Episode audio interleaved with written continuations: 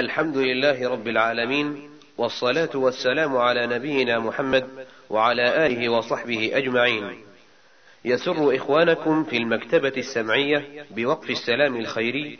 أن يقدم لكم المجموعة الأولى من سلسلة الدروس العلمية لكبار العلماء، ومن دروس هذه السلسلة المباركة كتاب التوحيد لشيخ الإسلام محمد بن عبد الوهاب رحمه الله. شرح سماحة شيخ العلامة عبد الله بن حميد رحمه الله الشريط العاشر فإن معه حميد فإن معه صليب الأمر بالسترة يعني الأمر الاستترة بالوجوب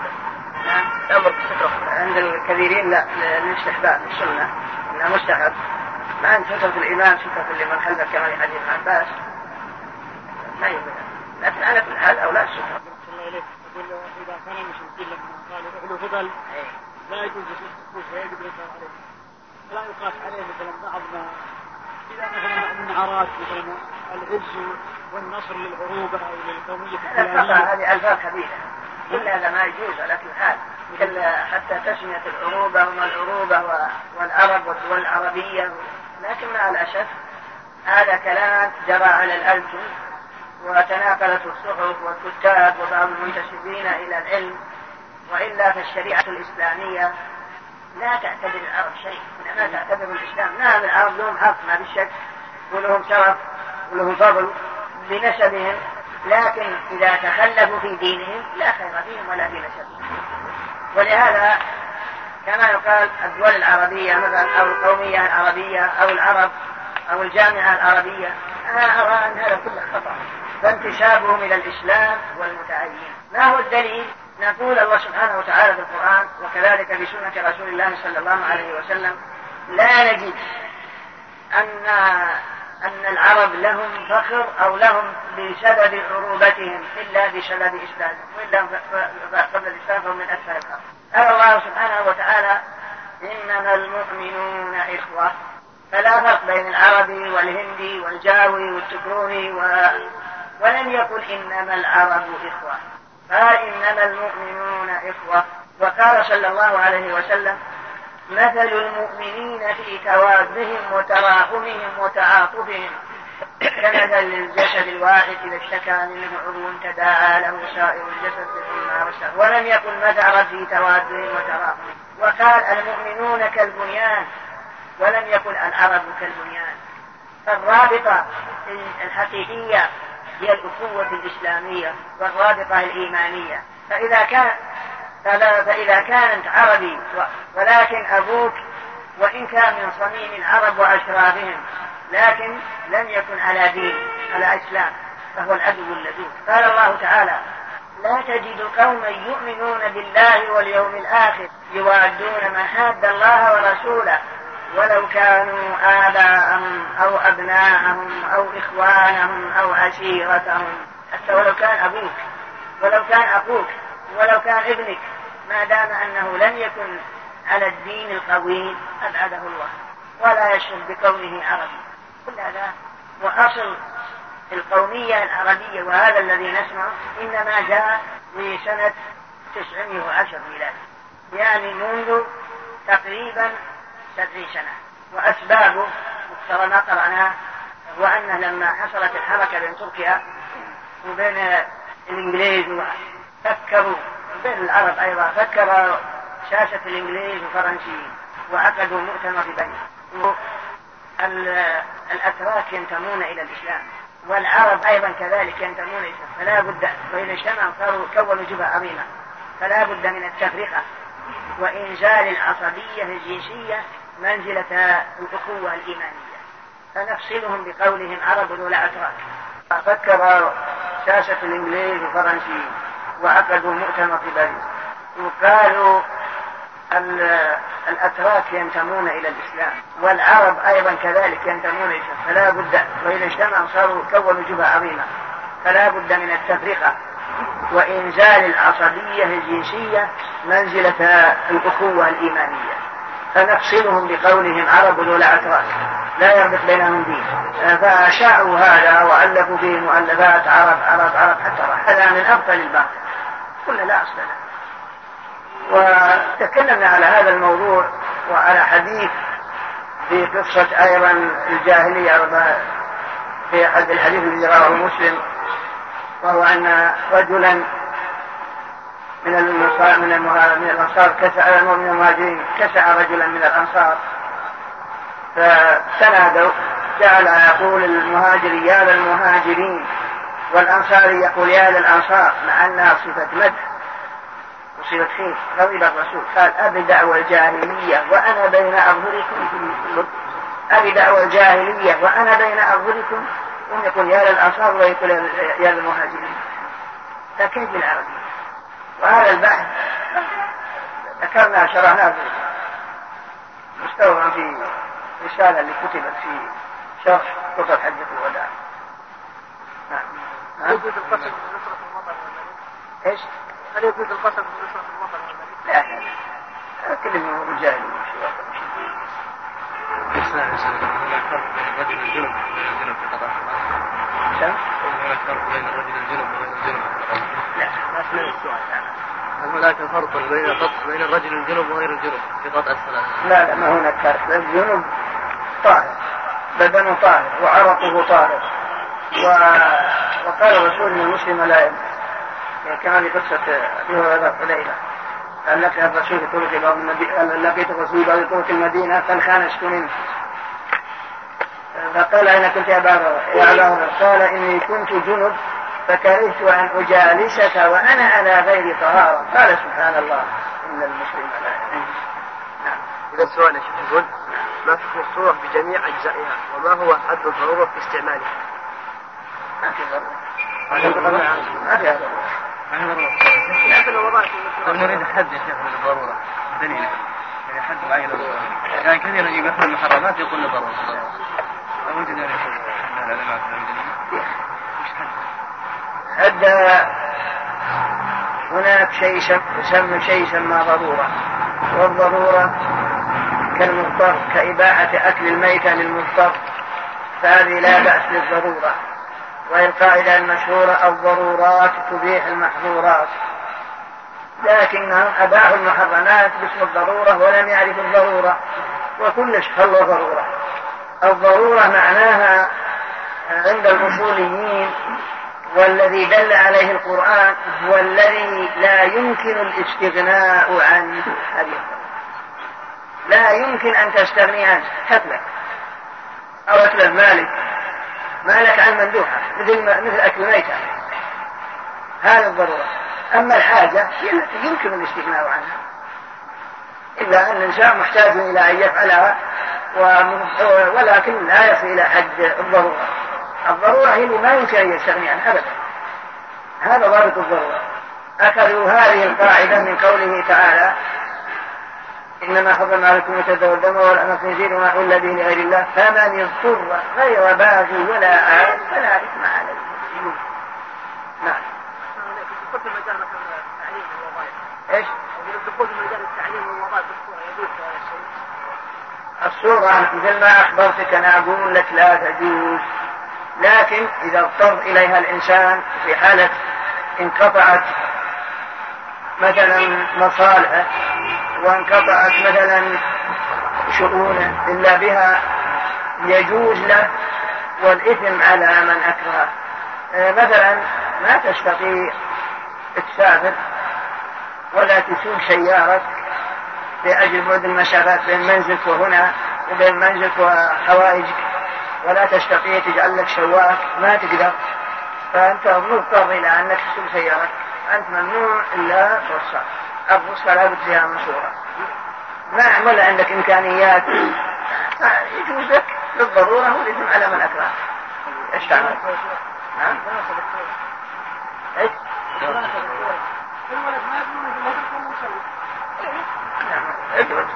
معلومة ايش؟ شيء ايش؟ بالله ايش؟ وشو؟ سؤال ما في سؤال ما كان سؤال حتى النهايه إن كان إن شاء الله يدرس بلا صورة وإذا اضطر إليها ولا يمكن أن يدرس إلا بها أذن عليه نعم ما ينبغي على كل حال لكن لو فرضنا أن صلى بها بالصلاه الصحيحه. ما مبتلات الصلاة نعم. في أحد المعاهد الإسلامية كان يقول خالد وكانت الغلبة على المسلمين وكان موزع المسلمين وأنصار ومهاجرين ومبتدئين في الإسلام على حسب الفئات وقال قسم يعني تقسيمات هذه يرى الغلب على من؟ أحد البلاد الأكثر هذه تبقى ايش؟ في أحد معركة كان يعتقد في الامامه فيها قسم قد وليد المسلمين إلى فئات ايه كل حسب نفسه أو شيء من قبل هذا ايه عليكم هذا ضمن عنصرية أو شيء من قبل هذا ها؟ وقد يكون من العنصرية؟ لا لا يفعل ما هو الأصلح للمسلمين لا بد يجعل أمام الشجعان من الأعداء شجعان مثلهم وكذلك يجعل أيضا كمين أيضا فيما لو انهزموا يقرون عليهم ويجعل أناس آخرين يأكلون الكفار أو المشركين من خلف حتى يحصل عليهم الرجعة هذا يرجع إلى هذا الأمير ليدبر الحروب ويعرف كيف يرسم الخطط في الحرب هذه كانت تقابل العدو مثلا وفئة أخرى جعلهم من خلف قال عندما يمشوا مثلا ويتقابل الأذى فأتوهم من خلف مثلا ويجعل فئة أخرى قديمة لو رأيت انهزام عند هؤلاء شد أجر كلاهما من الخطط الحربية التي يراد بها القضاء على العدو ورسول الإسلام ما في شيء نعم أما الآن فنترككم مع مجلس آخر من هذا الشرح وفيه عن ابي هريره رضي الله عنه قال قام رسول الله صلى الله عليه وسلم حين انزل عليه وانذر عشيرتك الاقربين فقال يا معشر قريش أو كلمة نحوها اشتروا أنفسكم لا أغني عنكم من الله شيئا يا عباس بن عبد المطلب لا أغني عنك من الله شيئا يا صفية عمة رسول الله صلى الله عليه وسلم لا أغني عنك من الله شيئا ويا فاطمة بنت محمد سليني من مالي ما شئت لا أغني في صحيح البخاري عن أبي هريرة رضي الله عنه قال قام رسول الله صلى الله عليه وسلم حين أنزل عليه وأنذر عشيرتك الأقربين صعد الصفا فقال يا معشر قريش أو كلمة نحوها يا بني ذئب يا بني كنانة اجتمعت عنده أشراف قريش فقال إن أريد منكم كلمة إذا قلتموها ملكتم بها العرب وأدت لكم العجم بها الجزية أن قالوا لك وأبيك عشرا قال يا قوم قولوا لا إله إلا الله قام أبو لهب الشقي فقال تبا لك ما جمعتنا إلا لهذا فأنزل الله تبت يدا أبي لهب وتب ما أغنى عنه ماله وما كسب الآية السورة ثم فأنزل الله عليه وأنذر عشيرتك الأقربين نذارة النبي صلى الله عليه وسلم قسمان نذارة عامة ونذارة خاصة أما النذارة العامة فقد جاءت في قوله تعالى وأنذر الناس يوم يأتيهم العذاب لتنذر قوما ما أنذر آباؤهم إلى غير ذلك من الآيات فالله سبحانه وتعالى بعث محمدا صلى الله عليه وسلم لينذر الناس كافة ويرشدهم إلى ما فيه هدايتهم وعزهم كافة عربهم وعجمهم وقال وقال الله له قل يا أيها الناس إني رسول الله إليكم جميعا وكان صلى الله عليه وسلم يأتي القبائل في منى وهم في منازلهم فيقول من يجني حتى أبلغ رسالات ربي فهو يطلب من يمنعه ويأويه حتى يبلغ ما أمر به وهذا التبليغ والنذارة أما النذارة الخاصة هي كما جاء في هذا الحديث وأنذر عشيرتك الأقربين لأنهم أحق بنصحه ونذارته قال الله تعالى يا أيها الذين آمنوا قوا أنفسكم وأهليكم نارا إيش معنى قوا أنفسكم وأهليكم نارا يعني اجعلوا وقاية تقيكم من النار ووقاية تقي أهليكم من النار والوقاية التي تقي النفس من النار هي طاعة الله وطاعة رسوله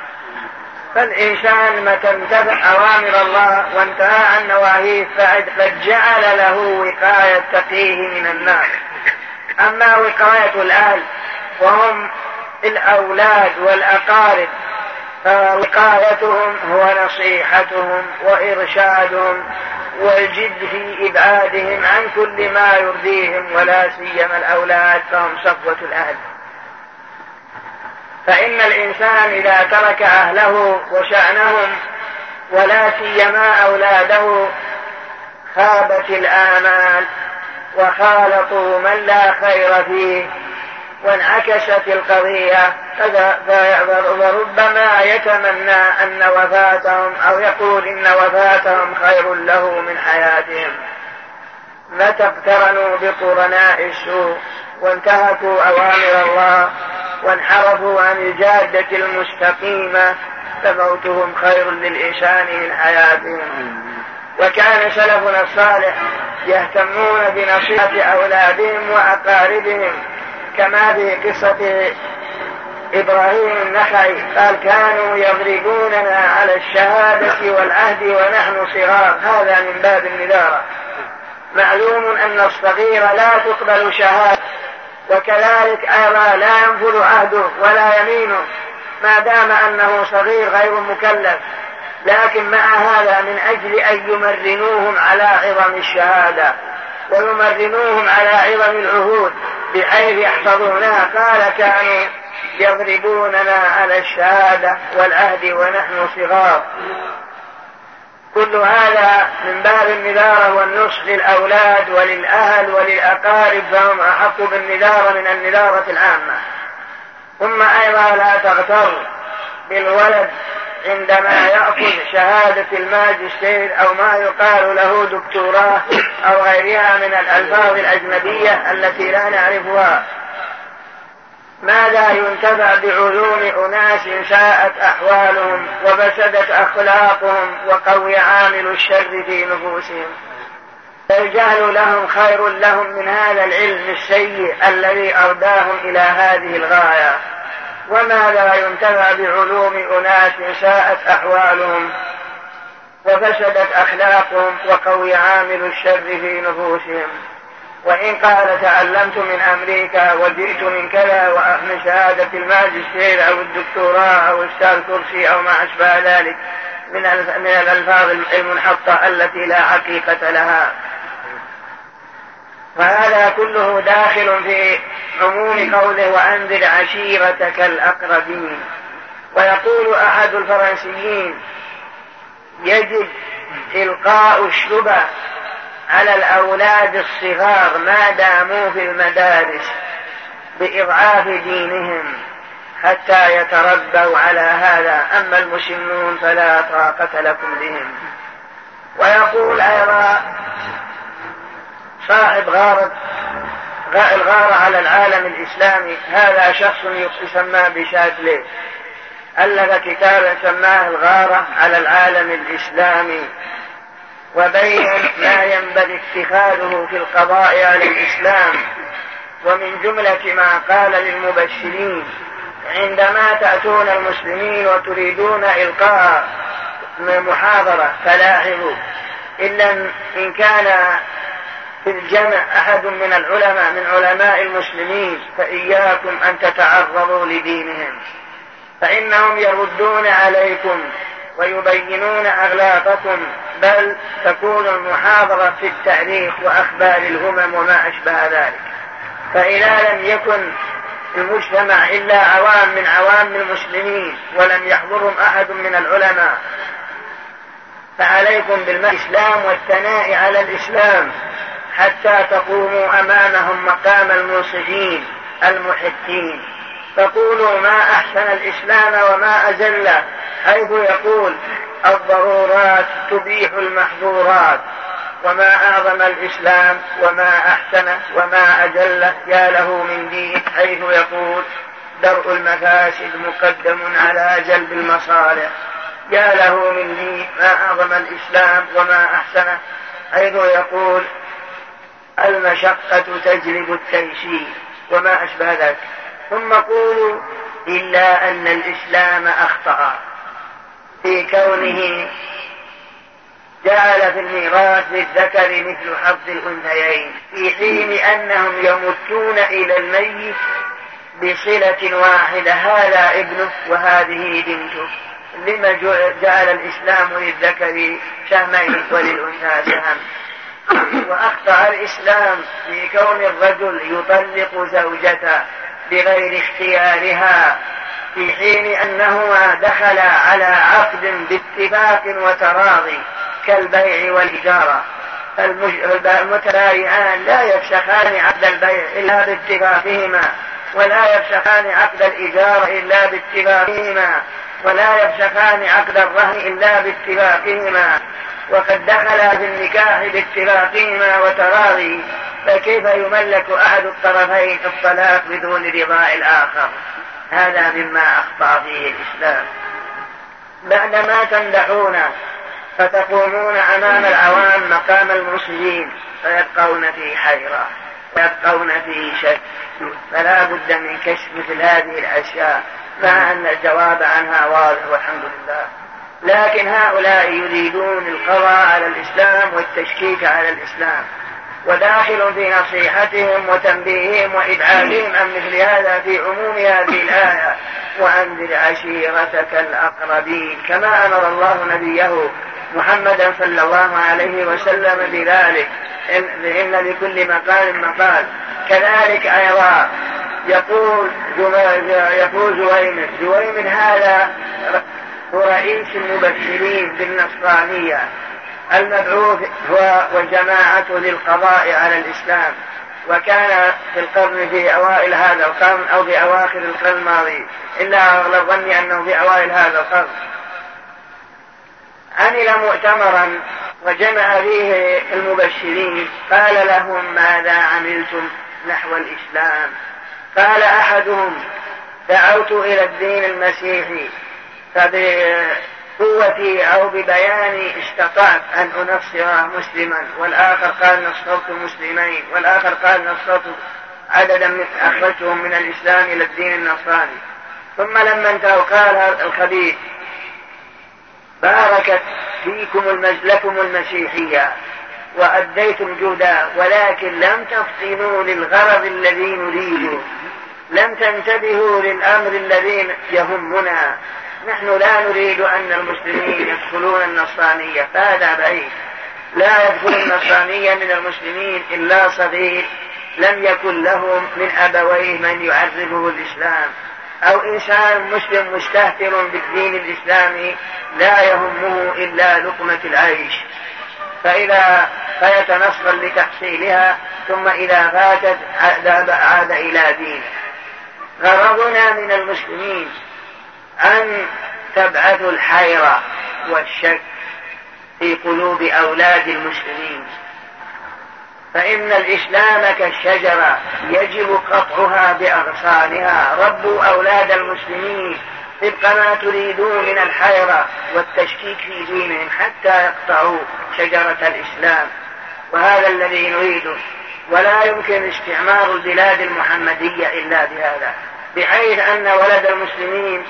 إذا تعلم وكان في حيرة لا يهمه دينه إن جمع مالا ففي سبيل شهواته وإن تبرع مركزا ما ففي سبيل شهواته فيصبح لا صلة له بخالقه ولا معرفة له بربه وهذا هو الذي نريده لا أن فلانا يتنصر أو فلانا تتنصر هذا قول كبير فإذا كان هذه الحالة فما ظنك بمن يبتعثون صغارا إلى الجهات المختلفة من بلاد الكفر لم يعرف العقيدة لم يعرف الإسلام لم يعرف أوامر الإسلام لم يعرف إلا ما برك أمام عينيه يا للأسف ويا للمصيبة أين قوله عندي عشيرتك الأقربين فكان الأحق بالنذارة هم الأولاد وصفوة الأولاد وأبناء الوطن وأبناء البلد هم أولى بالنذارة وأولى بالنصح من الناس البعيدين عملا بهذه الآية وأنزل عشيرتك الأقربين بعد النذارة العامة ثم قال النبي صلى الله عليه وسلم يا عباس بن عبد المطلب لا أغني عنك من الله شيئا يعني اشتر نفسك بالإيمان بالله والعمل الصالح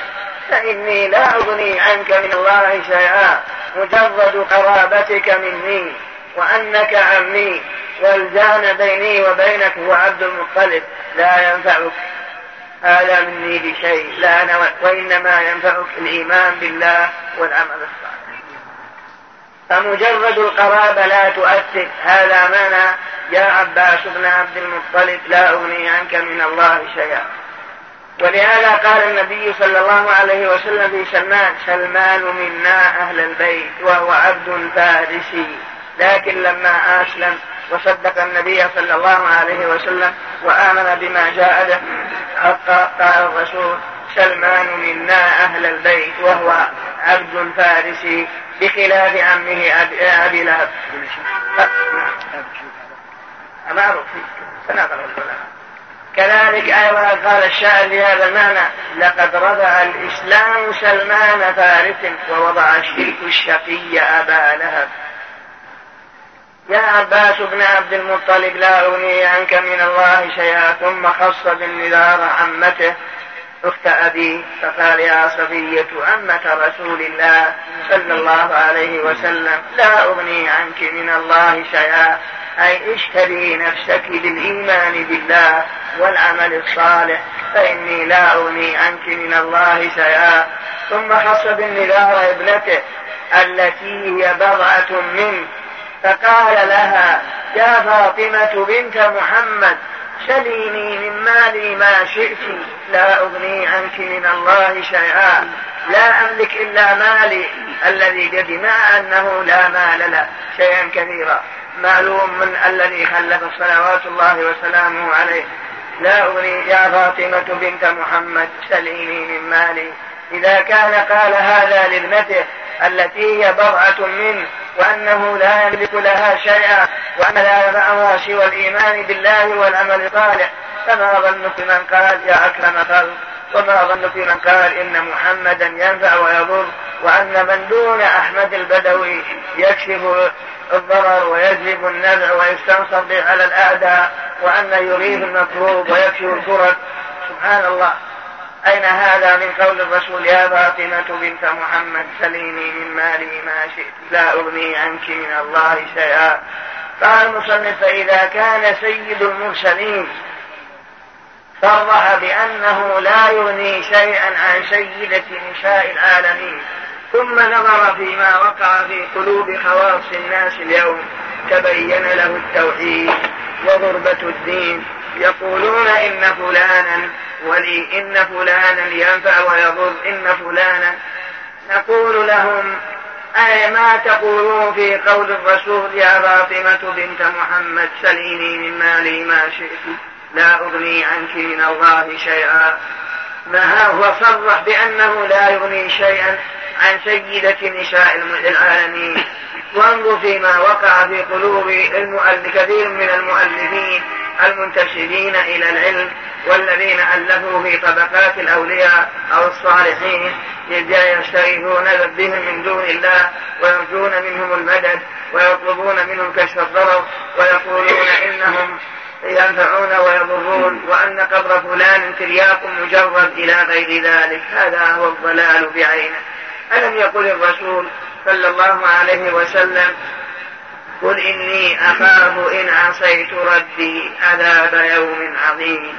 وقال الله لقل إني لا أملك لنفسي نفعا ولا ضرا إلا ما شاء الله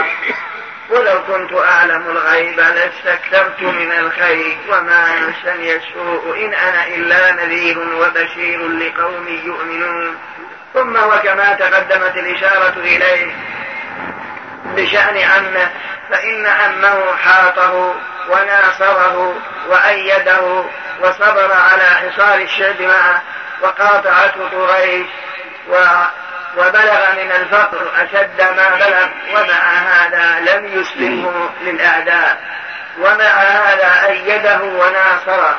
ومع هذا اعترف في شعره بأن ما جاء به محمد هو الحق ومع هذا قال إن إن دين محمد من خير أديان البرية دينا فآمن بقلبه وبلسانه إلا أنه خالف العمل ثم أيضا تعظيمه لأسلافه وأشياخه منعه من أن يقول لا إله إلا الله ومع هذا لم ينفعه الرسول في سبيل نصره وتأييده بل أنزل الله معاتبا له إنك لا تهدي من أحببت ولكن الله يهدي من يشاء وهو أعلم بالمهتدين ما كان للنبي والذين آمنوا أن يستغفروا للمشركين ولو كانوا أولي قربى من بعد ما تبين لهم أنهم أصحاب الجحيم أي دلالة أبلغ من هذه الدلالة في هذه الآيات لمن كان له قلب فالرسول صلى الله عليه وسلم في دعوته عم وخصه عم الناس كلهم وأمرهم ونهاهم وكتب إلى ملوك الأطراف وبعث الدعاة وخص بالنذارة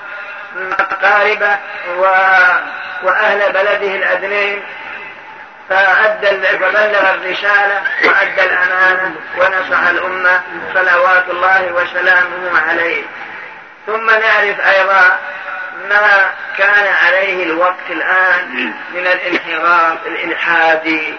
والميول عن الشريعة الإسلامية إلى ما يقول الغرب ثم أيضا تشبه الكثير من الشبيبة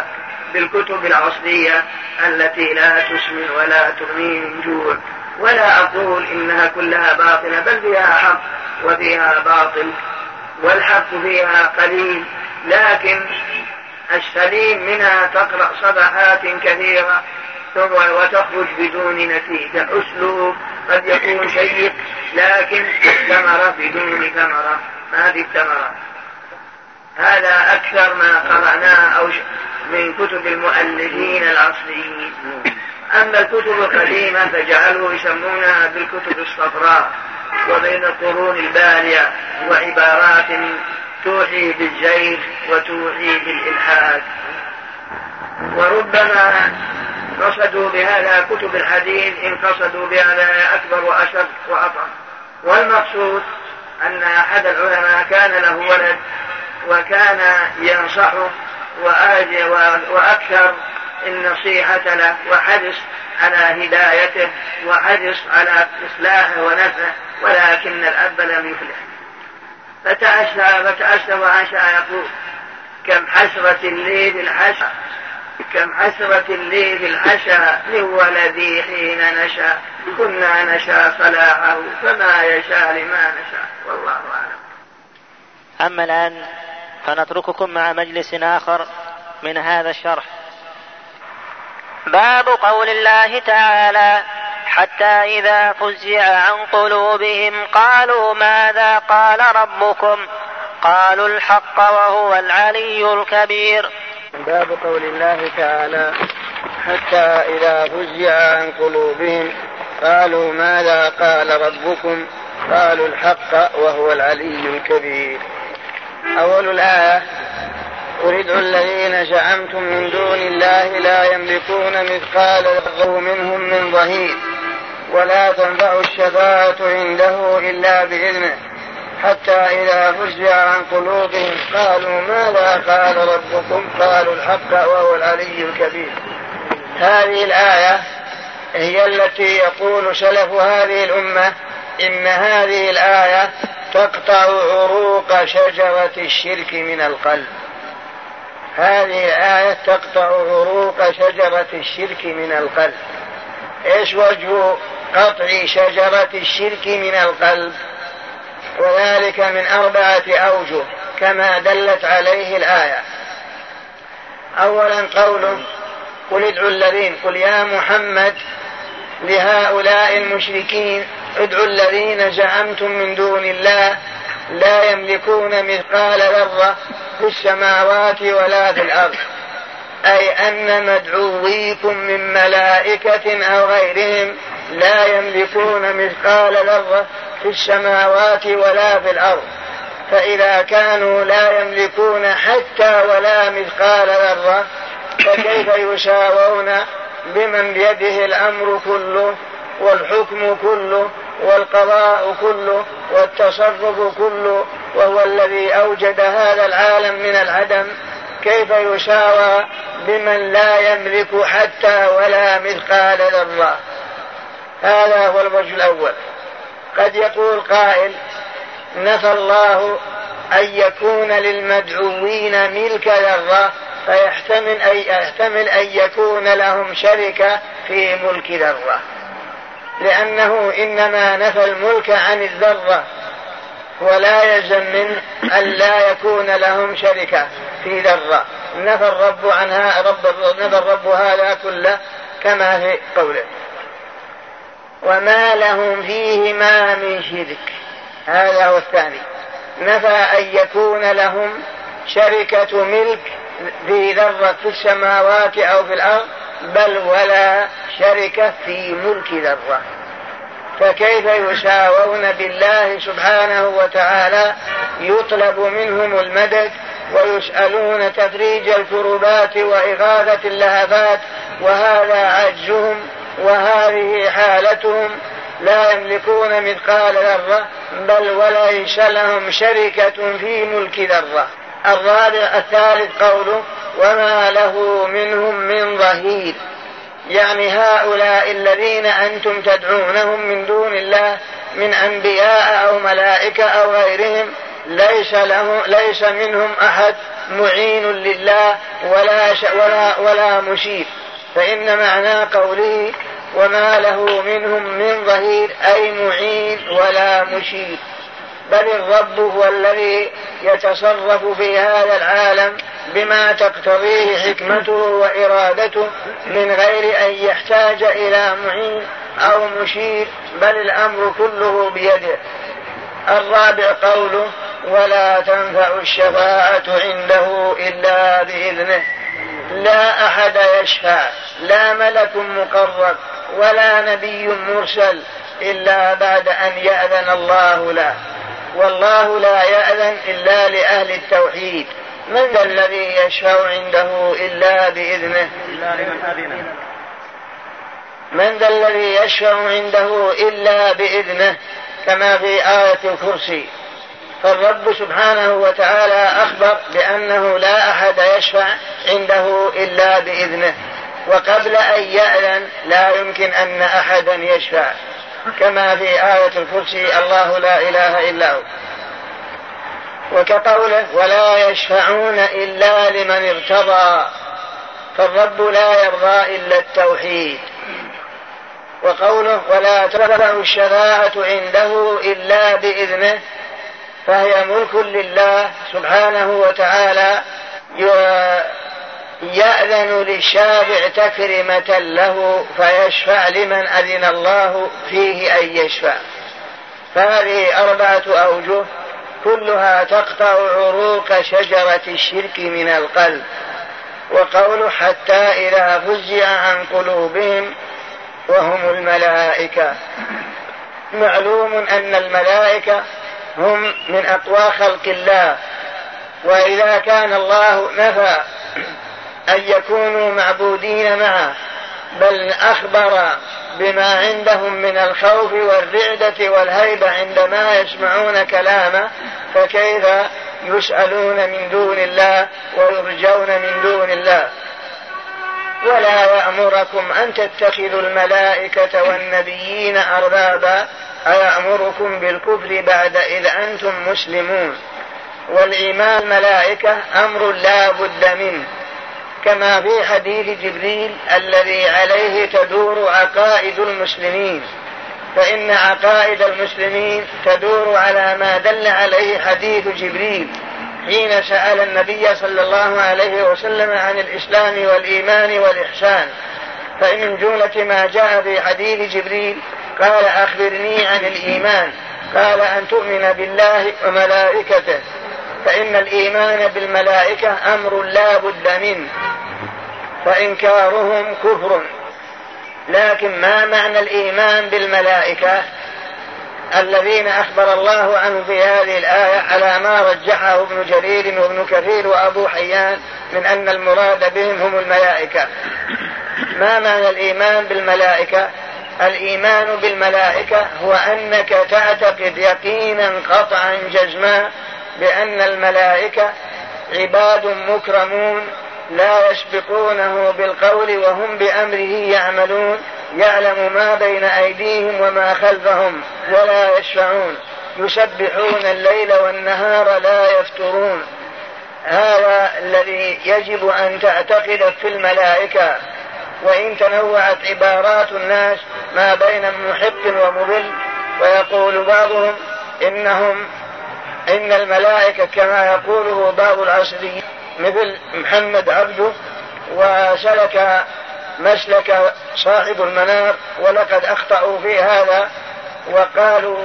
إن المراد بالملائكة إنما هي كالجراثيم أو ميكروبات وهي المادة الحيوية التي تكون بالجذور وما أشبه ذلك وهذا لا شك أنه خطأ كبير وضلال بعيد عن الحق بل الحق أننا نقول أن الملائكة عباد مكرمون وأنهم يسبحون الليل والنهار لا يفترون وأن الله سبحانه وتعالى أوجدهم وخلقهم لعبادته وهم لا يعصون الله بل يفعلون ما يؤمرون وإذ قال ربك للملائكة إني جاهل في الأرض خليفة قالوا يا آخر الآية والآيات بإثبات وجود الملائكة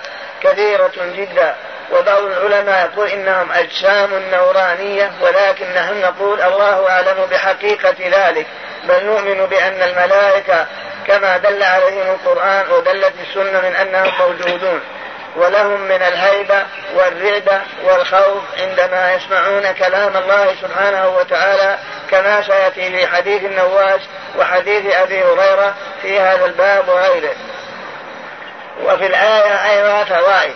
ويقول حتى إذا فزع عن قلوبهم يعني زال عنها الغشي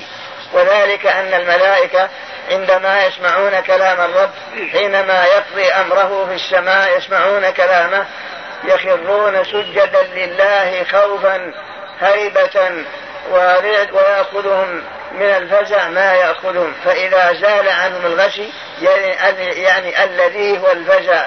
تساءل بعضهم مع بعض ماذا قال ربكم قالوا الحق يعني قال ربنا الحق وهو العلي الكبير ففي الآية إثبات أن الله يقول قال الحق والمراد أنه يتكلم خلافا للأشاعرة فالله سبحانه وتعالى أخبر بأنه يتكلم ويقول حقيقة كما دل عليه القرآن وكلم الله موسى تكليما تلك الرسل فضلنا بعضهم على بعض منهم من كلم الله وتم صدقا وعدلا وإن أحد من المشركين استجارك فأجره حتى يسمع كلام الله ألا تطمعون أن يؤمنوا لكم وقد كان فريق منهم يسمعون كلام الله إلى غير ذلك من الآيات الكثيرة ولا نقول إن الله يتكلم أو يقول من جنس قول المخلوقين بل يقول على وجه ويتكلم على وجه يليق بجلاله فإذا قال لك الأشعري الذي ينفي عن الله الكلام ويقول لا يجوز لك أن تثبت أن الله يتكلم ويقول لا يجوز لك أن تثبت أن الله يتكلم لأن من لازم الكلام أن يكون له لسان ويكون له شفة شفتين ويكون له لثة والله منزه عن هذا قل لا أنا لا أقول إثبات ما تقوله بل أثبت ما أثبته القرآن والسنة وأنفي ما نفاه القرآن والسنة وأسكت حيث سكت القرآن والسنة فيقول لك يلزمك هذا إذ لا نعرف في كلام العرب كلام بدون هذا قل له أجيبك من أمرين أولا هل أنت تثبت أن لله ذاتا يقول لك الجامي والمعتزلي والأشعري كلهم يقولون نعم نحن نثبت أن لله ذات يقينا ولا إذا يكون مشابها لذوات المخلوقين أنا ذات فهل ذات الله مثل ذاتي؟ يقول لك لا لا لا بل أثبت أن لله ذاتا حقيقة ليس بعدم لكن لا تشبه ذواتكم قل أيضا وأنا أثبت لله كلاما حقيقة لا يشبه كلامك فالكلام في الصفات فرع عن الكلام في الذات فلا يستطيع أن يرد عليك حينئذ لأنك تلزمه نظير ما أثبته لا محيد له حينئذ تلك أيضا تثبت أن لله ذاتا لا تشبه الذوات ذوات المخلوقين وتنفي عن الصفات خشية المشابهة قل أنفع عن الذات أيضا خشية المشابهة ما يستطيع لأنه يؤدي إلى العدم ما عند ربك هذا هو مذهب أهل السنة والجماعة وأمر آخر تقول للأشعري لا يلزم على سبيل التنزل معك لا يلزم من إثبات الكلام أن يكون المتكلم له لسان وشفتين إنما هذا في الآدمي فالسنة جاءت وكذلك القرآن أيضا بأن من هناك من يتكلم بدون أن يكون له شيء من ذلك كما في قصة الحجر الذي كان يسلم على النبي صلى الله عليه وسلم وهو في مكة كما في مسلم فإنه قال إني أعرف حجرا في مكة يسلم عليه فهل له كلام له لسان وشفتين كذلك أيضا أخبر الرب سبحانه وتعالى في القرآن بقوله وإن من شيء إلا يسبح بحمده والتسبيح قول أيضا فهل لها شفتين ولسان لا يبطل حينئذ استدلاله أو تشبيهه الموضوع الثاني في الآية قوله وهو العلي الكبير فيه إثبات صلة العلو لله سبحانه وتعالى وكما أن له العلو فإن له فكما دلت الآية على إثبات العلو فنقول له علو القدر وعلو القهر وعلو الذات فالله أخبر بأنه بأن له علو الذات وهو على عرشه بائن من خلقه يخافون ربهم من فوقهم ويفعلون ما يؤمرون وهو القاهر فوق عباده وهو الحكيم الخبير إليه يصعد الكلم الطيب والعمل الصالح يرفعه أأمنتم من في السماء يعني على السماء أأمنتم من في السماء أن يرسل عليكم حاصبا إلى غير ذلك من الآيات الكثيرة فأخبروا في القرآن بأن الله على عرشه الرحمن على العرش استوى فأخبروا في القرآن بأن الله على عرشه الرحمن على العرش استوى الجهمي والمعطلين الجميع والمعطلون يقولون استوى هنا بمعنى استولى ويستدلون ببيت مولد قد استوى بشر على العراق بمعنى استولى بشر على العراق فالمراد عندهم استوى يعني الرحمن على العرش استوى ثم استوى على العرش الرحمن إلى غير ذلك المراد عندهم استولى قل أنت لا, لا داعي إلى أن أذكر الأدلة فالأدلة واضحة لكن أريد أن أقول لك وأخاصمك بما تقوله أنت أتقول استوى بمعنى استولى قال لك نعم قل طيب أنت عربي واستولى عرب لغة عربية فمعنى استولى لفظة استولى هل هناك من ينازع الرب على العرش ويقاتله ثم إن الرب استولى عليه لأن هذا ما تفيده مادة استولى كما يقال استولى فلان على البلد استولى فلان على بيت فلان استولى يعني لا يحصل الاستيلاء إلا بعد مقاهرة ومغالبة بينك وبين شخص آخر ثم تتغلب عليه فنقول استولى فلان فإذا فسرتم الرحمن على العرش استوى بمعنى استولى يعني كأن هناك من يغالب الرب ويقاهره على العرش وينازعه ثم استولى عليه إذا يبطل قوله لا يستطيع أن يقول نعم فأنت تحتج عليه وتبطل كلامه من تفسيره هو سواء بسواء بدون أن تحتاج إلى أدلة مع أن سلفنا الصالح كلهم قالوا في في, في الاستواء نثبته كما أثبته القرآن استواء يليق بجلاله من غير تحريف ولا تعطيل ومن غير تكييف ولا تمثيل ولا نقول استولى مثلا أو استوى كاستوائي على الأرض أو استواء فلان على الكرسي لا فنقول آمنا بالله وبما جاء عن الله على مراد الله وآمنا برسول الله وبما جاء عن رسول الله على مراد رسول الله ونستريح من هذه الشقشقة وهذه الإلزامات وهذا الكلام الفاضي التي يقولون ويتكلمون به ويؤيدون به أباطيلهم بدون أن يحتاج بدون أن يقيموا عليه دليلا لا من كتاب ولا سنة ولا عقل سليم قالوا ماذا قال ربكم قالوا الحق وهو العلي الكبير والله أعلم أما الآن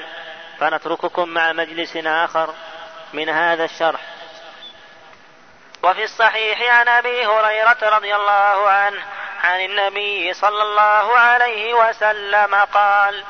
إذا قضى الله الأمر في السماء ضربت الملائكة بأجنحتها خضعانا لقوله كأنه سلسلة على صفوان ينفذهم ذلك حتى إذا فزع عن قلوبهم قالوا ماذا قال ربكم قالوا الحق وهو العلي الكبير فيسمعها مسترق السمع ومسترق السمع هكذا بعضه فوق بعض وصفه سفيان بكفه فحرفها وبدد بين أصابعه فيسمع الكلمة فيلقيها إلى من تحته ثم يلقيها الآخر إلى من تحته حتى يلقيها على لسان الساحر أو الكائن فربما أدركه الشياب قبل أن يلقيها وربما ألقاها قبل أن يدركه فيكذب معها مئة كذبة فيقال أليس قد قال لنا يوم كذا وكذا كذا وكذا فيصدق بتلك الكلمة التي سمعت من السماء في الصحيح عن أبي هريرة رضي الله عنه قال قال رسول الله صلى الله عليه وسلم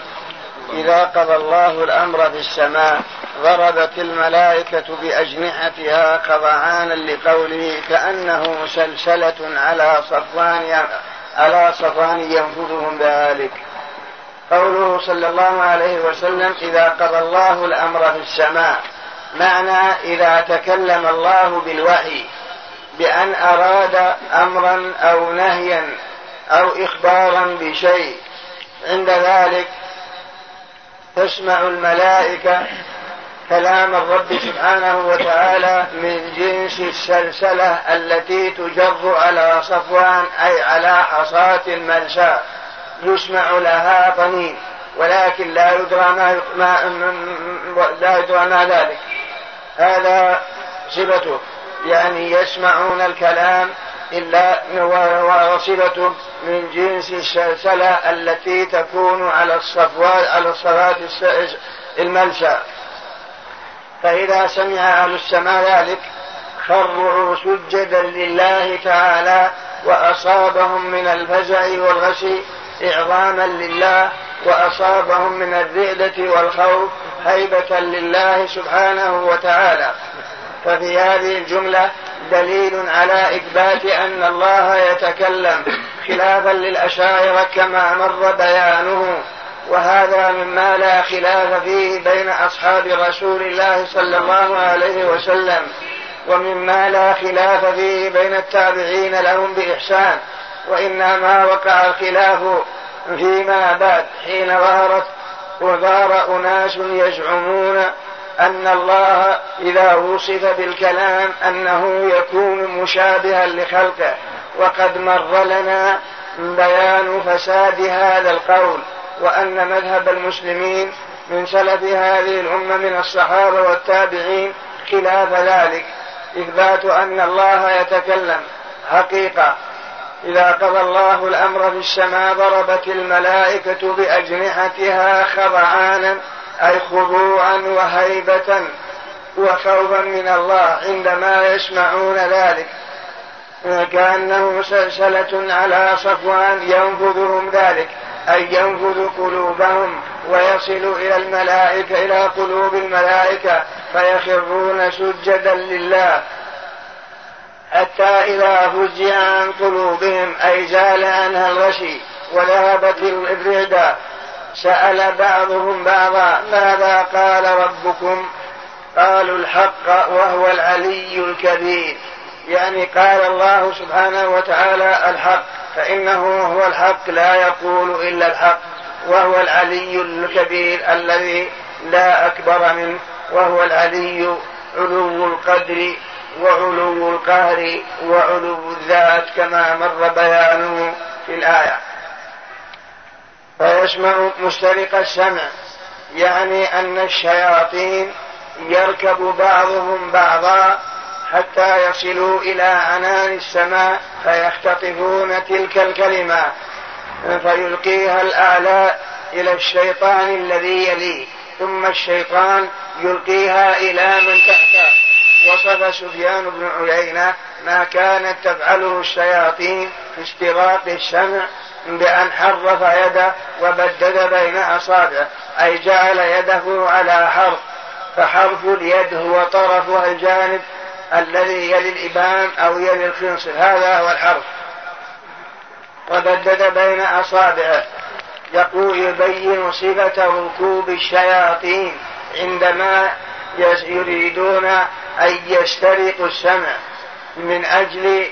أنهم يلقون ما يسمعونه إلى الكاهن أو الساحر الذي يتقرب إليهم ومعلوم أن الشيطان لا يخدم الإنس أبدا لا يأتي إليه بالأخبار ولا يخبره بما يستطيع معرفته إلا بصرف شيء من العبادة له أو بترك شيء من الواجبات أو بفعل شيء من المحرمات كما قرره شيخ الإسلام ابن تيمية في كتابه النبوات قال ما معناه إن الجن والشياطين لا يخدمان أحدا من الإنس إلا بصرف شيء من العبادة لها أو, أو يتقربون إلى الشيطان بترك واجب أو بفعل محظور فعند ذلك الشيطان يسعى في خدمة هذا الآدمي يخبره بما يستطيع معرفته ثم أيضا استنبط بعض العلماء من هذا الحديث عظم طلب العلم وأن الإنسان مهما فعل في طلب العلم لا يكبر كثيرا فهذه الشياطين مع هذا حرصت على أن الواحد منهم يركب الواحد والآخر يركب الآخر من أجل أن يسمعوا كلمة من أجل أن يسمعوا كلمة يلقونها إلى أوليائهم من الإنس فإذا كان هذه حالة الشياطين يعملون هذا العمل في سبيل تحصيل مسألة أو علم من أجل أن يلقونه على أوليائهم ثم إن أولياءهم يكذبون معها فيضلون الناس قالوا هذا يدل على أن المسلم مهما بل مهما بذل في تحصيل العلم لا يعتبر كثيرا هذه الشياطين الذين هم أعداء الله والذين حذرت منهم الكتب السماوية وجميع الرسالات كلها تنبه على أن الشياطين أعداء للآدميين ومع هذا يحرصون على إغواء بني آدم بما يفعلونه من ركوب بعضهم بعض من أجل أن يتحصلوا على كلمة يروجون بها أكاذيبهم وباطلهم فكيف بالمسلم كيف لا يحرص ويعمل من أجل أن يرد تلك الكلمة وأشباه الكلمات من الإلحاد الذي يراد إرادته على الشريعة الإسلامية حتى يلقيها على لسان الساحر أو الكاهن فربما أدركه الشهاب قبل أن يلقيها وربما ألقاها قبل أن يدركها أي أن السحرة والكهان يتقربون إلى الشياطين ثم إن الشياطين يأتون إليهم بتلك الكلمة التي سمعوها من السماء ثم إن الكاهن يزيد عليها ما يزيد فتروج فيروج باطله وأكاذيبه بسبب تلك الكلمة وإلا فمعلوم أن النجوم أيضا أن النجوم كما في هذا الحديث فربما أدركه الشهاب قبل أن يلقيها وربما ألقاها قبل أن يدركها وقد يضيفون هذه المعلومات إلى النجوم كما عليه بعض جاهلية العرب يزعمون أن النجوم هي المدبرة وأنها هي التي تتصرف وهذا كفر بالربوبية أو قالوا إنها تدل على ما يحدث في الأرض لأنهم قالوا في موضوع التنجيم تعريب إذا قلنا لك ما هو التنجيم المني أن تقول أنت تعرف لنا التنجيم تقول هو الاستدلال بالأحوال الفلكية على الحوادث الأرضية هذا هو التنجيم الاستدلال بالأحوال الفلكية على الحوادث الأرضية فهم يستدلون على الحوادث الأرضية بالأحوال الفلكية بهذه النجوم عندما يرمى بالنجم من أجل هذا الشيطان يقولون يولد عظيم أو يموت عظيم أو يحصل يحصل كذا أو يأتي أمطار أو تأتي رياح أو يحصل هزيمة أو يحصل انتصار وما أشبه ذلك وهذا كله من الأباطيل كما يأتي في باب بيان شيء من أنواع السحر فإن النبي صلى الله عليه وسلم يقول من اقتبس شعبة من النجوم فقد اقتبس شعبة من السحر زاد ما زاد يعني إذا تعلم النجوم فقد تعلم السحر مع أنه لا علم عندها الأمور بيد الله سبحانه وتعالى وكما قيل أطلاب النجوم أحلتمونا على علم أرق من الهباء كنوز الأرض لم تصلوا إليها فكيف وصلتم علم السماء وذلك أنهم ألفوا الآن في مؤلفات عديدة كلها تبحث عن عن البروج وعن النجوم ويقولون إذا كنت ولدت في برج كذا مثلا في برج الثور أو ولدت في برج الجدي أو ولدت في برج الحوت تنظر حينئذ عن مستقبلك بمناسبة البرج الذي ولدت فيه يقولون يقول منجمون تعيش سبعين عام ويكون بيت مالك يعني مالك كذا ويكون لك من الأولاد كذا ويكون ويجري عليك من المصائب كذا ويجري عليك من ال آه، من من من السرور كذا وهذا كله باطل لا أصل له لا يعلم الغيب إلا الله قل لا يعلم من في السماوات والأرض الغيب إلا الله وما يشعرون أيان يبعثون إن الله عنده علم الساعة وينزل الغيث ويعلم ما في الأرحام وما تدري نفس ماذا تكسب غدا وما تدري نفس بأي أرض تموت إن الله عليم خبير ألف في هذا الموضوع أبو جعفر أبو معشر الفلكي ألف كتابا صغيرا وهو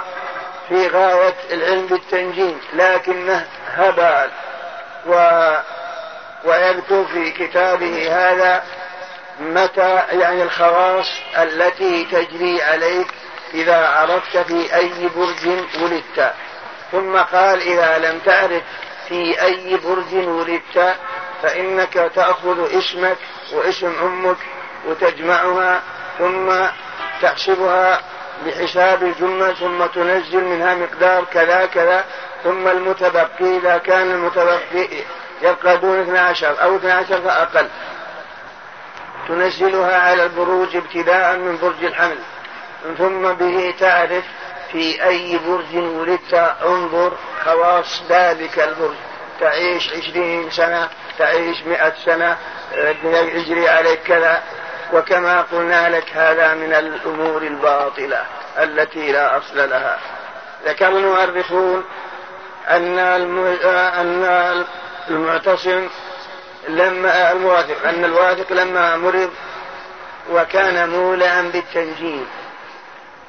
جمع منجمي مملكته فجمع نحو خمسين منجما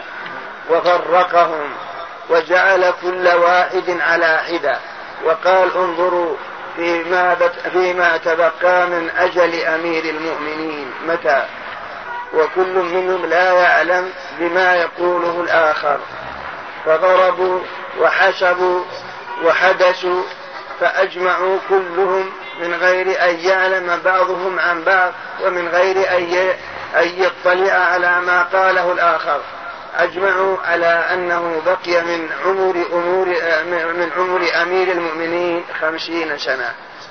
فرفع إليه هذا الخبر فاستبشر وفرح أنه بقي له خمسين خمسون سنة فلم يمكث بعد هذا إلا عشرة أيام وانتهى فإن الأمور لا يعلمها إلا الله وكان المنصور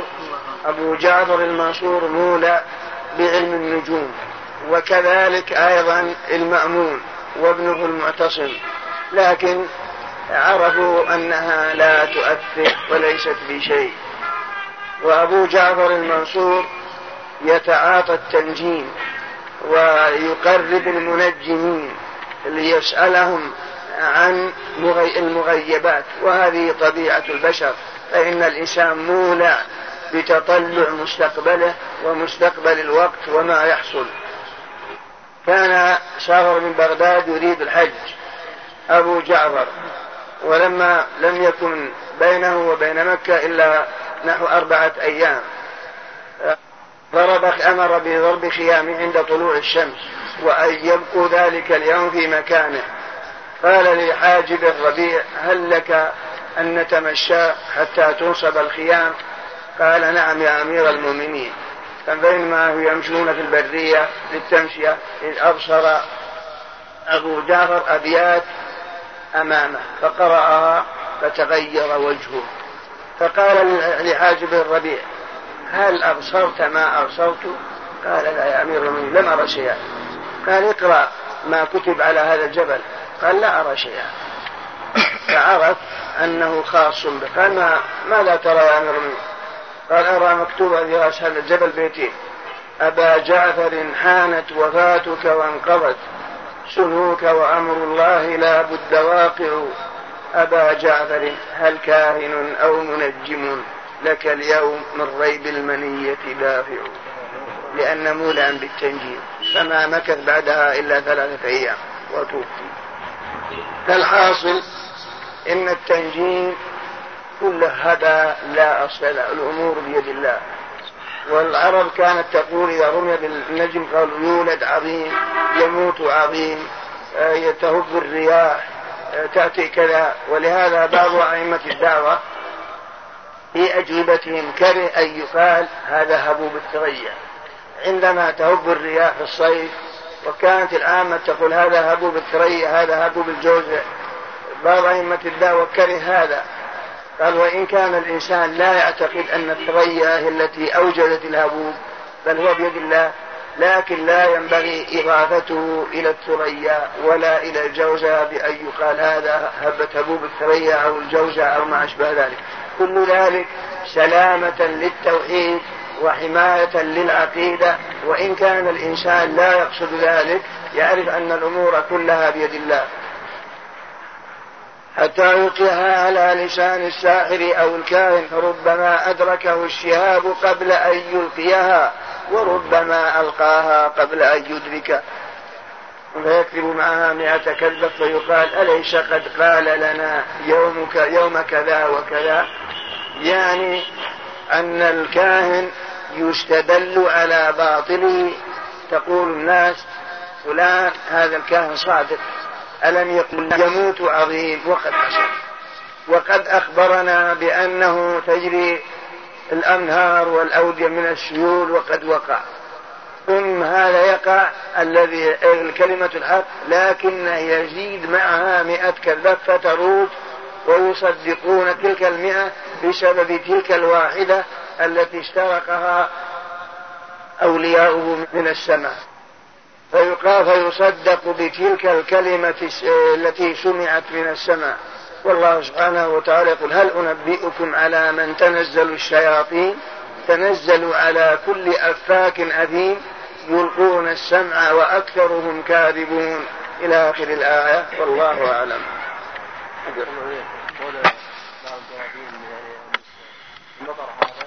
البخار نعم. أي هذا عاد سائل يعني هذا من جملة الأسباب التي أوجدها الله لا أن البخار من البحر الذي أوجده هذا حتى الشيخ تقي الدين ذكره شيخ يعني أن الله سبحانه وبحمده يوجد المطر بسبب هذا كما أنه يوجد الولد من بسبب جماع الرجل لامرأته ويتكون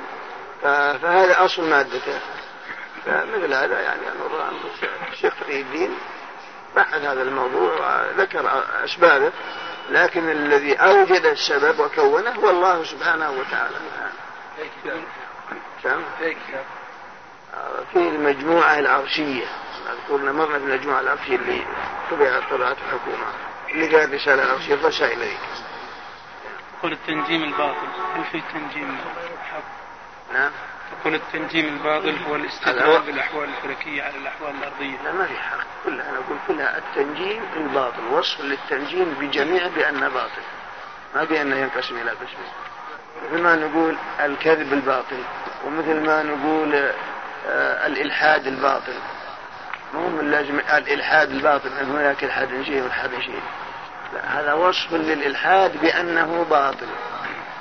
نعم نعم أن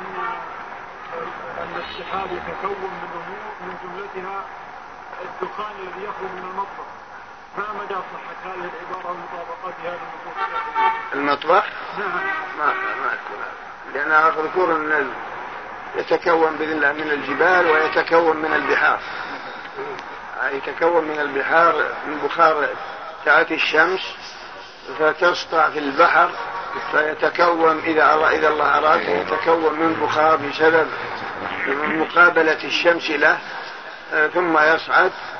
آه، ثم يرسل الله الرياح فيجمد ثم يرسل الرياح أيضا فتلقحه ثم يرسل الرياح فتسيره إلى حيث شاء الله وأرسلنا الرياح لواقح فأنزلنا من السماء ماء فأسقيناكم هذا الذي أنا أذكر في كلام الشقيقي مقيم أما من أن المطر كهو من دخان المطبخ ما أذكر ما أذكر أنا هذا ممكن راجع نعم. شيخ نعم معرفة الخسوف يعني الكسوف والخسوف هذا قرره العلماء قالوا يمكن معرفته والوصول إليه بالحساب لكن لا ينبغي أن يصدق ولا يكذب هذا رأي الشيخ ابن تيمية وابن القيم وغيره وإلا يقول يمكن معرفته مثل ما أن الآن نعرف متى ينتهي طول الليل إذا جاء برج الجدي نعرف أن هو نهاية طول الليل ونهاية قصر النهار وإذا جاء برج الحمل نعرف أنه تساوي الليل والنهار وإذا جاء برج السرطان بلغ الليل نهاية القصر وبلغ النهار نهاية الطول ثم يأخذ الليل في الزيادة حتى يأتي برج الميزان فيتساويا ويعتدلا ثم يأخذ النهار في النقص والليل في الزيادة بعد برج الجدي يعني مثل برج العقرب وبرج القوس و... وبرج الجدي فينتهي طول الليل ثم يأخذ الليل في النفس والنار في يعني الزيادة برج برج الجدي يعني حوالي ثلاثة من برج الجدي ثلاثة أيام ثم بعد برج الدلو ثم برج الحوت فيه يطول الليل ويقصر النهار ثم إذا جاء برج الجمل تساوي مثل ما أن هذا يعرف يقول ابن تيمية يمكن معرفة الخطوب وكسوب الحساب لكنه لا يصدق ولا يكذب لأنهم يخطئون كثيرا فيجعل خبرهم كأخبار بني إسرائيل لا نصدقها ولا نكذبها لأن إن كذبناها يحتمل أن نكذب صدقا وإن صدقناها يحتمل أن نكون قد صدقناها كذبا وهو يمكن إدراك بالحساب إلا أنهم إذا أخبرونا لا نصدقهم ولا نكذبهم بل نجعل خبرهم كأخبار بني إسرائيل هذا هو رأي الشيخ تقي الدين بن تيمية وابن القيم يقولون العصي وقال سبق أناس قبل مثل قزويني أنا أذكر أنا يقول قزويني إن باحتكاك السحاب أن يحدث كذا ما ما أعرف عنه من الناحية الشرعية بل اللي نعرف عن الرعد والبرق من الناحية الشرعية وما قال الله سبحانه وتعالى هو الذي يريكم البرق خوفا وطمعا وينشئ السحاب الثقال ويسبح الرعد بحمده والملائكة من خيفته ويرسل الصواعق فيصيب بها من يشاء إلى آخر الآية أما هذه الأشياء نعم جاء في بعض الأحاديث يزجره جاء في بعض الأحاديث هذا مقدم لقول من عبارة عن موجات سالبة من نعم يكن هذا القول بل إذا صح إلا إذا صح نعم ايش؟ ما حكم قراءة الخط التي فيها الغروب هذا وما حكم كتابته؟ الصفحة المجلة هذا خطأ لكن هذا لا ينبغي قراءة هذا هذا من من العنا ولا ينبغي للإنسان أن يقرأ ما يؤثر على عقيدته مع أن كل حج وظن وتخمينات ومثل ما كان في كتب الطب مثل تسهيل إلى المنافع ومثل داود الأنطاكي تذكرته كتب عليها بعض لما قرأ قال اقرأ تفرح جرب تحزن ما في شيء كل حج فاضي أبدا لا قرأتك دوش جاب لك الدنيا كلها لكن لو جرت ما نجينا بس والمجلات وهاللي يكتمون جذب حظك او كلها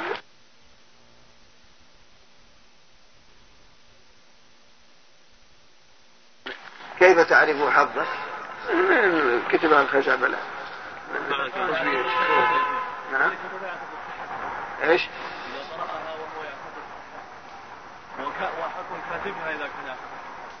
خطأ على كل عليه بأنه يدعي علم الغيب ما أدري عنه ما نستطيع إنسان يدعي علم الغيب وكفر كذلك يا شيخ وكفر على كل حال إذا ثبت عندنا أن يدعي علم الغيب قل لا يعلم مكذب بقوله قل لا يعلم من في السماوات والأرض الغيب إلا الله هناك أحد يعلم ما في غد كونهم يعلمون ما في الارحام سواء ذكر او بطريقه علميه ايه ما حكم هذا؟ ما اظن هذا ادعوه يقولون هم بدأوا انهم يعرفون ذكورية من انوثيته وأشاعوا هذا لكن بعد البحث ما استطاعوا ما أظن مع أن ابن كثير أشار إلى شيء من هذا في مشهد ذكورية الجنين من أنوثيته وكذلك بعض المفسرين ذكر شيء من هذا لا من العصريين ولا من سبقهم كالحول ذكر الأشياء منه لكن ما أظن أنهم توصلوا إلى شيء من هذا ولا نسمع عنهم آه، أدركوه ولكن بعد سؤال الأطباء وال... يا ما هي إلا دعاوي ما حتى الآن ما استطاعوا نعم. ها؟ الزويني عالم اسمه لك كتاب اسمه عجائب المخلوقات وعجائب المخلوقات هذا تكلم فيه آه، على أبحاث طويلة عريضة تكلم على الأرض وعلى المعادن وتكلم على يقول أنه يوجد حجر يسمى حجر الكهرباء وهو أنك إذا دفعت برجلك هنا وهناك حجر بعيد أن هذاك يتحرك بتحركها اللي دفعتها برجلك وإن لم يكن بينهما واسطة ولا شيء يسمى حجر الكهرباء إذا كان صحيح فالكرم موجود نعم من هو؟ أظن في السابع بعد 600 بعد 600 أظن موجود كان 600 تقريبا في القرن السابع موجود وفي مدرس تحتاج رجل نعم وفي مدرس يرى قوانين نيوتن فيزيائيه وفي مدرس يرى ان قوانين نيوتن الفيزيائيه درس في توجيهه انه افضل ما قدم في البشريه منو؟ هذا المدرس يرى نيوتن هذا هو افضل ما قدم للبشريه وقد اكثر من اي شخص قدم للبشريه وش قوانين نيوتن الفيزيائيه وش المزيد قدم قرارا هذه قادر يقدمها على بعثه على رساله الرسول وش فيه وش وش, وش, وش يعني قوانينكم الجايه الرياضيه وش وش ما انا ما انا يعني مثل الحركه وش المنطقه هذه والنفس الجواب كان يقول انها افضل من بعثه الرسول هذا كافر حلال الدم والمال ما هو ما ما ما ظهر لكن اراد يستبيح لكن بطريقه يعني شوي غامضه. يجب قتله. سبحوا مشوا انا اللي ذكرت انا ما ما ما سمعت ولا قرات عنه شيء اول مره اسمع لكن وشو بس العلم ايش حركه ايش؟ قون حقحة القون في الطبيعة الفيزياء الطبيعة الفيزياء قرانا الفيزياء والكيمياء قرانا شيء من كتب الموجوده لكن هذه اللي أشرت إليه ما قوى نيوتن وش الجاذبية حتى الجاذبية حتى الجاذبية قرأنا فيها شيء قرن بالنسبة للجاردية وبالنسبة أيضا إلى آه، خواص الأحجار وبالنسبة إلى معامل فلاسفة المسلمين آه، آه، ما بذلوه في الصعود إلى سطح القمر كل هذا قرن سابق يعني مو من جديد لكن هل تقول لأننا نقرأ كتب العرفية كثير الأشياء كلها وإن كان قراءة عميقة لكننا نقرأها قاعد يمجد فيها صلاح دينه ودنياه واخرته الى هذه العلوم الشقشقه الضحله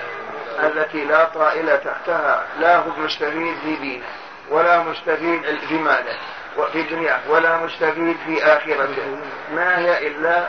مجرد اراء يضعونها ثم يصوفونها بعبارات جذابه لكن معنى تلك العبارة لا حقيقة لها إيه الاعتناء بمثل هذا أنا أرى أن خذلان من الله هذا العبد الذي ابتلي بمثل هذا فإن النبي صلى الله عليه وسلم يقول من حسن إسلام المرء تركه ما لا يعنيه هذا في تركك ما لا يعنيك فما ظنك اشتغالك فيما لا ينفعك قال الحسن من علامة إعراض الله عن العبد أن يشغله فيما لا يعلم